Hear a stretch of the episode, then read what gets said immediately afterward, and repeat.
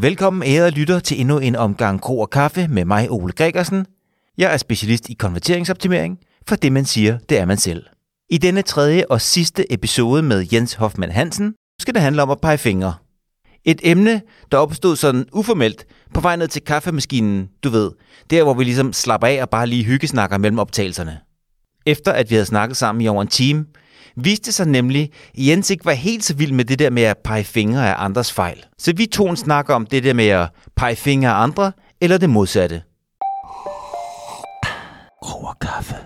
Det var det med at rante. Jeg tror, det var fordi, jeg kommenterede på, at du selv sagde, at du lavede et rant. Ja. Øh, og så tror jeg, jeg havde en lille tænkepause, fordi det kan jeg ikke så godt lide. jeg kan ikke lide, når man brokker sig. Og det skal vi tale om. Det er simpelthen fordi, øh, jeg synes altid, man skal være positiv. ja. Og der er godt nok folk, der siger, altså der er sådan noget med altså positivitetsfascisme. Mm. Det er slet ikke det, det handler om. Det er simpelthen bare, jeg synes, man kommer længere, hvis man bare hele tiden er positiv. og det, jeg ved godt, det lyder fuldstændig undersvægt, det her. Men, øh, men det er faktisk øh, min oplevelse, at øh, altså hvis der nu for eksempel var et eller andet, man var utilfreds med, vi sad for eksempel, og, altså vi kørte sådan lidt på det her med, hvorfor er der ikke nok, nogen, der laver nok øh, brugertests, eller ja. hvorfor, hvorfor, hvorfor ja. er der ikke så mange split-tests og sådan noget. Ja. Jamen det er der rigtig tit en god grund til. Mm. Øh, og tit så er det jo egentlig bare, fordi man ikke forstår folk. Hvorfor de ikke gør det. Altså fordi det er jo nok, fordi der er noget andet, der betyder noget for folk. Ja. Og selvfølgelig kan det, altså det jo godt være, at det ville være en hensigtsmæssig udvikling at gå i, og lave nogle flere split-test, eller brugertest, eller hvad det nu var. Eller lave noget bedre content, eller hvad det nu var. Men der er jo en grund til det. Og derfor er der ingen grund til at rante over det. Mm. man skal bare forstå det, og så skal man gøre noget. Ja. Øh, altså give noget positivt input. Vi snakkede også om øh, på vej til kaffemaskinen eller derfra, at øh, det er rigtig let at påpege dårlig usability. Mm. Men det er ikke særlig inspirerende at få det at vide. Det, der er rigtig inspirerende, det er at få at vide, her der er der et godt eksempel på, hvordan det, det her det fungerer rigtig godt. Ja. Altså hvor øh, det kunne være en øh, virksomhed har fem forskellige fragtformer og øh, syv forskellige priser, øh, fordi der er også noget afhentningsmulighed og afhængig af kursstørrelse, bla bla bla bla bla. Ja. Der er det løst rigtig godt. Præcis. I stedet for at finde 10 eksempler på, at det er løst dårligt. Ja. Og grunden til, at det gjorde stort indtryk på mig, det er jo af flere grunde, men blandt andet fordi, at jeg selv øh, har øh, falder så ned i den modsatte kategori, og jeg fik, det, det, det var det, jeg fik lidt dårligt smag i munden, fordi jeg har lavet meget af sådan noget, også sådan officielt, altså ud på LinkedIn og sådan nogle ting, hvor, hvor der er sådan noget rant, ikke? Jeg har lavet noget frustreret fredag, hvor det sådan, jeg tager en website, det kunne være, det var sidste gang, tror jeg, det var Falk eller sådan noget, hvor der er noget af deres app, der bare stinker helt vildt, og så peger jeg det ud og peger fingre og siger, de er latterlige, ikke? Ja. Og jeg kan huske, at sidste gang jeg gjorde det, var der også en, der skrev, jamen, altså hvorfor hænger du, hvorfor hænger du det her navngivende firma ud? altså, hvad, hvad er du ved med det, Ole? Ikke? Og der, der blev jeg også lidt sådan lidt, undskyld. jeg, synes, Jamen, det er det. en, jeg synes, det er en god pointe. Ja. Og jeg synes, det er et skønt livsprincip, men jeg synes også, jeg kan også godt selv mærke, at jeg bliver lidt irriteret nogle gange, når jeg ser konsulenter og bureauer, der har travlt med at sige, at I har ikke set lyset, I har ikke fattet en skid, ja. og hvis I ikke gør det her, så går det her åh så dårligt. Præcis. Fordi dine pointe omkring, der er nok en god grund til Der det. er tit en god grund til det nemlig. Og hvis man ligesom synes, at det er, altså i hvert fald for eksempel hvis man er konsulent, altså så bør man jo netop bare sige, hvorfor gør I ikke sådan her? Mm. Altså jeg, jeg, jeg ved, at hvis du gør sådan her i praksis, så sådan og sådan, øh, eller øh, jeg har en måde, hvorpå du kunne gøre det her, uden at bruge alt for mange ressourcer, fordi det kunne for eksempel være en af grundene til, at folk ikke gjorde det. Og, og det er jo det der, altså vi taler om, at hvis du har 50.000 produkter, der har ringe produktdata, Altså, hvis du skal påpege det, så kan du næsten ikke tillade dig at gøre det, medmindre du også har en eller anden løsningsmodel for mm. det. Mm. Hvordan forbedrer du 50.000 produkters data? Ja. Men altså, hvis man ikke kan gøre det i en eller anden form for bulkredigering eller automatisk redigering, så skal man jo i hvert fald ansætte nogle studenter med hjælpere, eller nogle, øh, nogle, der er lavere lønnet end en e-commerce manager, der sidder med det. Og det man nok skal huske også, det er, at hvis det er noget, mennesker gør meget, for eksempel at pege fingre, eller give kritik, eller sige, du er dum, så er det nok, fordi det er den nemme løsning. Så, så, så det, er, det er nemmere at komme og sige, det der, det fungerer ikke godt, end det er at komme og sige, nu skal I høre, hvad den rigtige løsning vil være. Tænker jeg. Det er rigtigt. Altså, der er jo også tit ting, altså det er jo det, der er, der er taknemmeligt, hvis man skal sidde og kritisere et eller andet, hvor man kan sige, altså det kunne fx være øh, nu her, hvor, man, hvor øh, i løbet af det sidste halvår, hvor, øh, hvor vi alle sammen skulle vaccineres øh, for, øh, eller mod corona, der kunne man godt sidde og brokse over, hvorfor er der egentlig kø til det? Hvorfor er det der queuet? Hvorfor er det skudt ind foran? Altså, hvorfor, hvorfor opgraderer de ikke bare deres server, så det kan mm. tage det her pres, eller hvad det nu kunne være? Ja. Jamen, hvad ved du om det?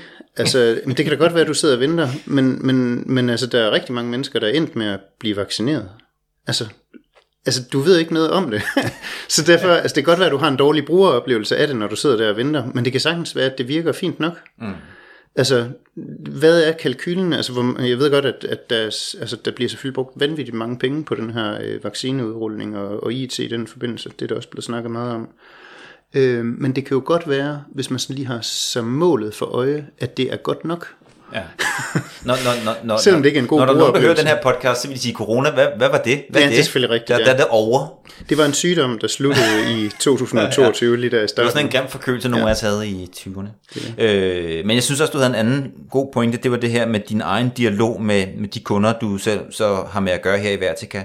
Altså det der med at sætte sig ind i deres situation, og forstå den, og igen i den der i den positive tanke, ligesom se ind i deres situation og sige, jamen der er en grund til, at tingene ser ud, som de gør i dag. Øh, så, så i udgangspunktet antage, at det, det er der en god grund til. Ja. Det er ikke nogen, der har været dårligt begavet, nødvendigvis.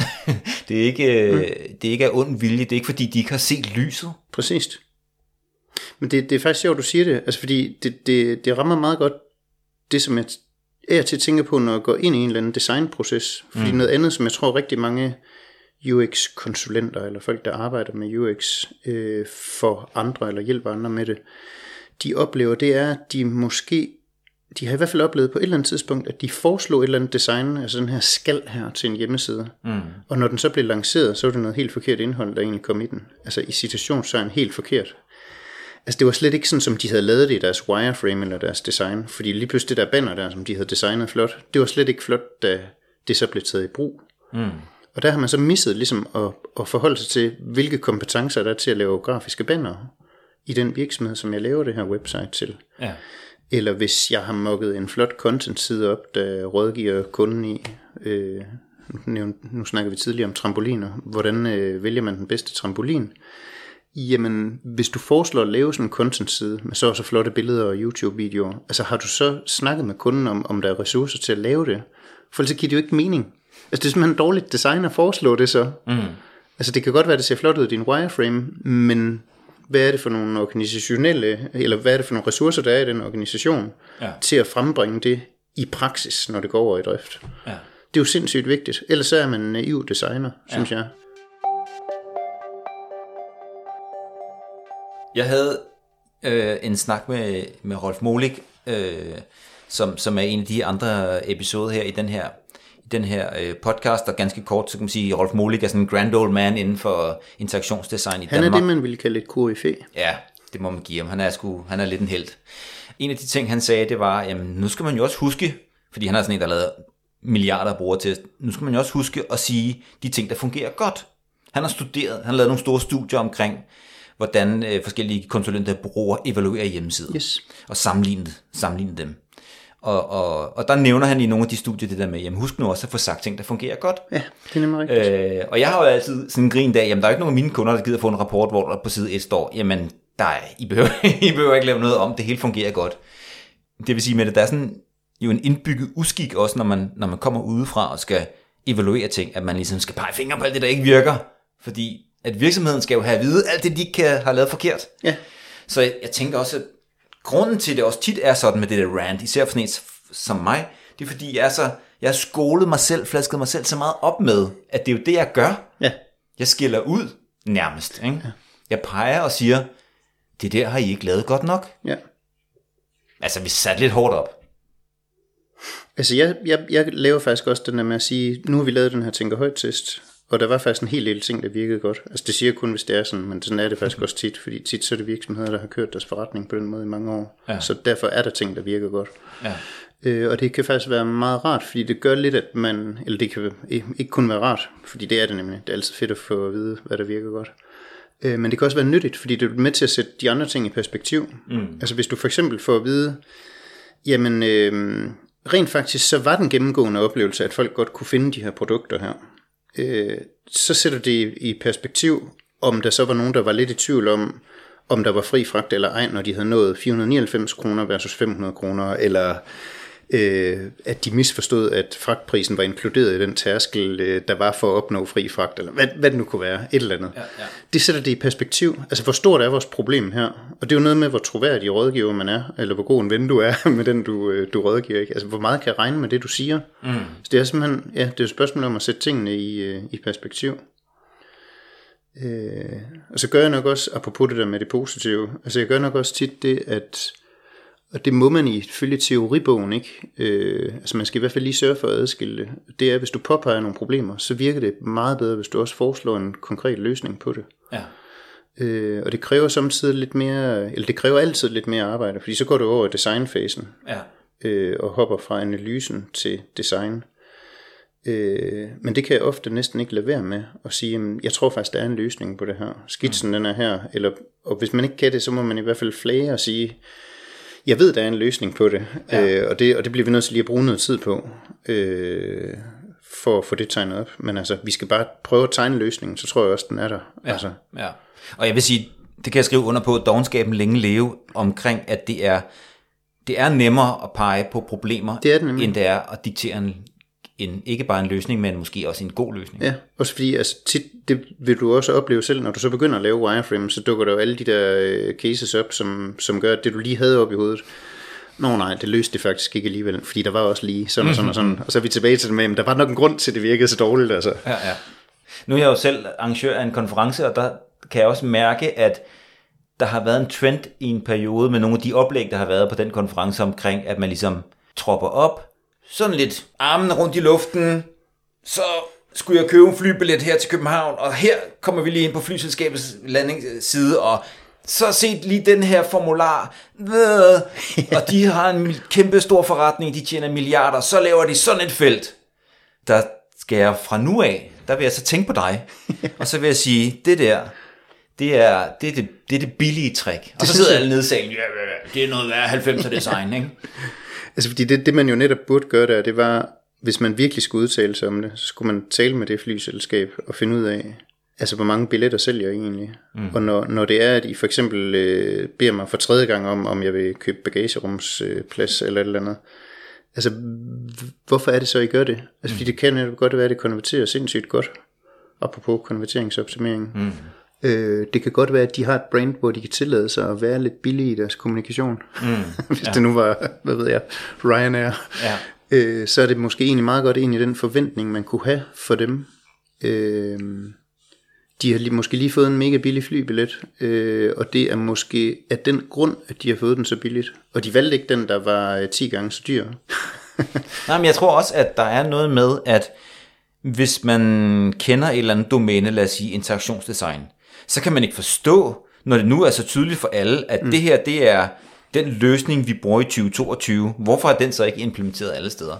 Det, det.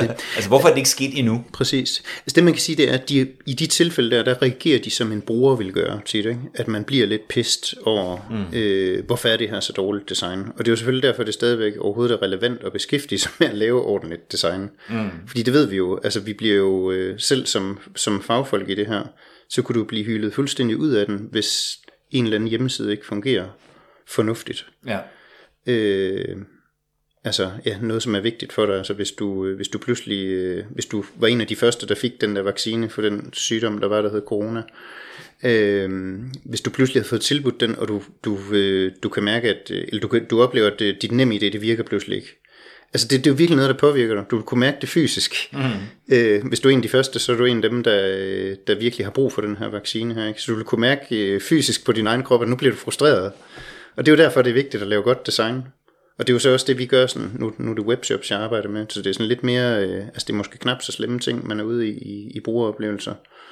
Men altså, hvis du pludselig kommer ind på en kurvside, og der, øh, altså du oplever det, det produkt, du lige har siddet og konfigureret, at det er der ikke. Altså det, det er sindssygt frustrerende. Åh, oh, nu er det der. Jamen, så er det bare lige fordi, øh, siden den lige loadede der, og der lige var et sekunds øh, delay. Det kan, faktisk, øh, det kan faktisk give en fysisk reaktion i dig, at oplevelsen er så dårlig lige det sekund der, eller du bliver så skuffet. Øh, og det er jo lidt det, som de der oplægsholdere så har været ude for, kan man sige. Ikke? Men som konsulenter eller rådgiver, der bør de jo komme med løsningen på det i stedet for. Mm. Men synes det, jeg i hvert fald. Så jeg med det samme godt sige, det ville også være meget, meget sværere. Det er det. Nå, men afslutningsvis på, på det her segment, så tænker jeg, at en af grundene til, at jeg godt kan lide at lave et uh, rant, om det er et godt rant eller ej, det ved jeg ikke. Jeg synes godt, man kan tale om at lave det gode rant. Det er så, hvad mm. det er. Det kan jo være sådan lidt, jeg tænker sådan lidt Anders Madsen, når han, sådan, han, kan, han kan hisse sig selv op og sådan sproglig, ekvilibristisk, sådan ligesom fyre en, en, en, en ting af. Yeah. Øh, det er nok også fordi, personligt kan jeg også godt lide at se det gode rant.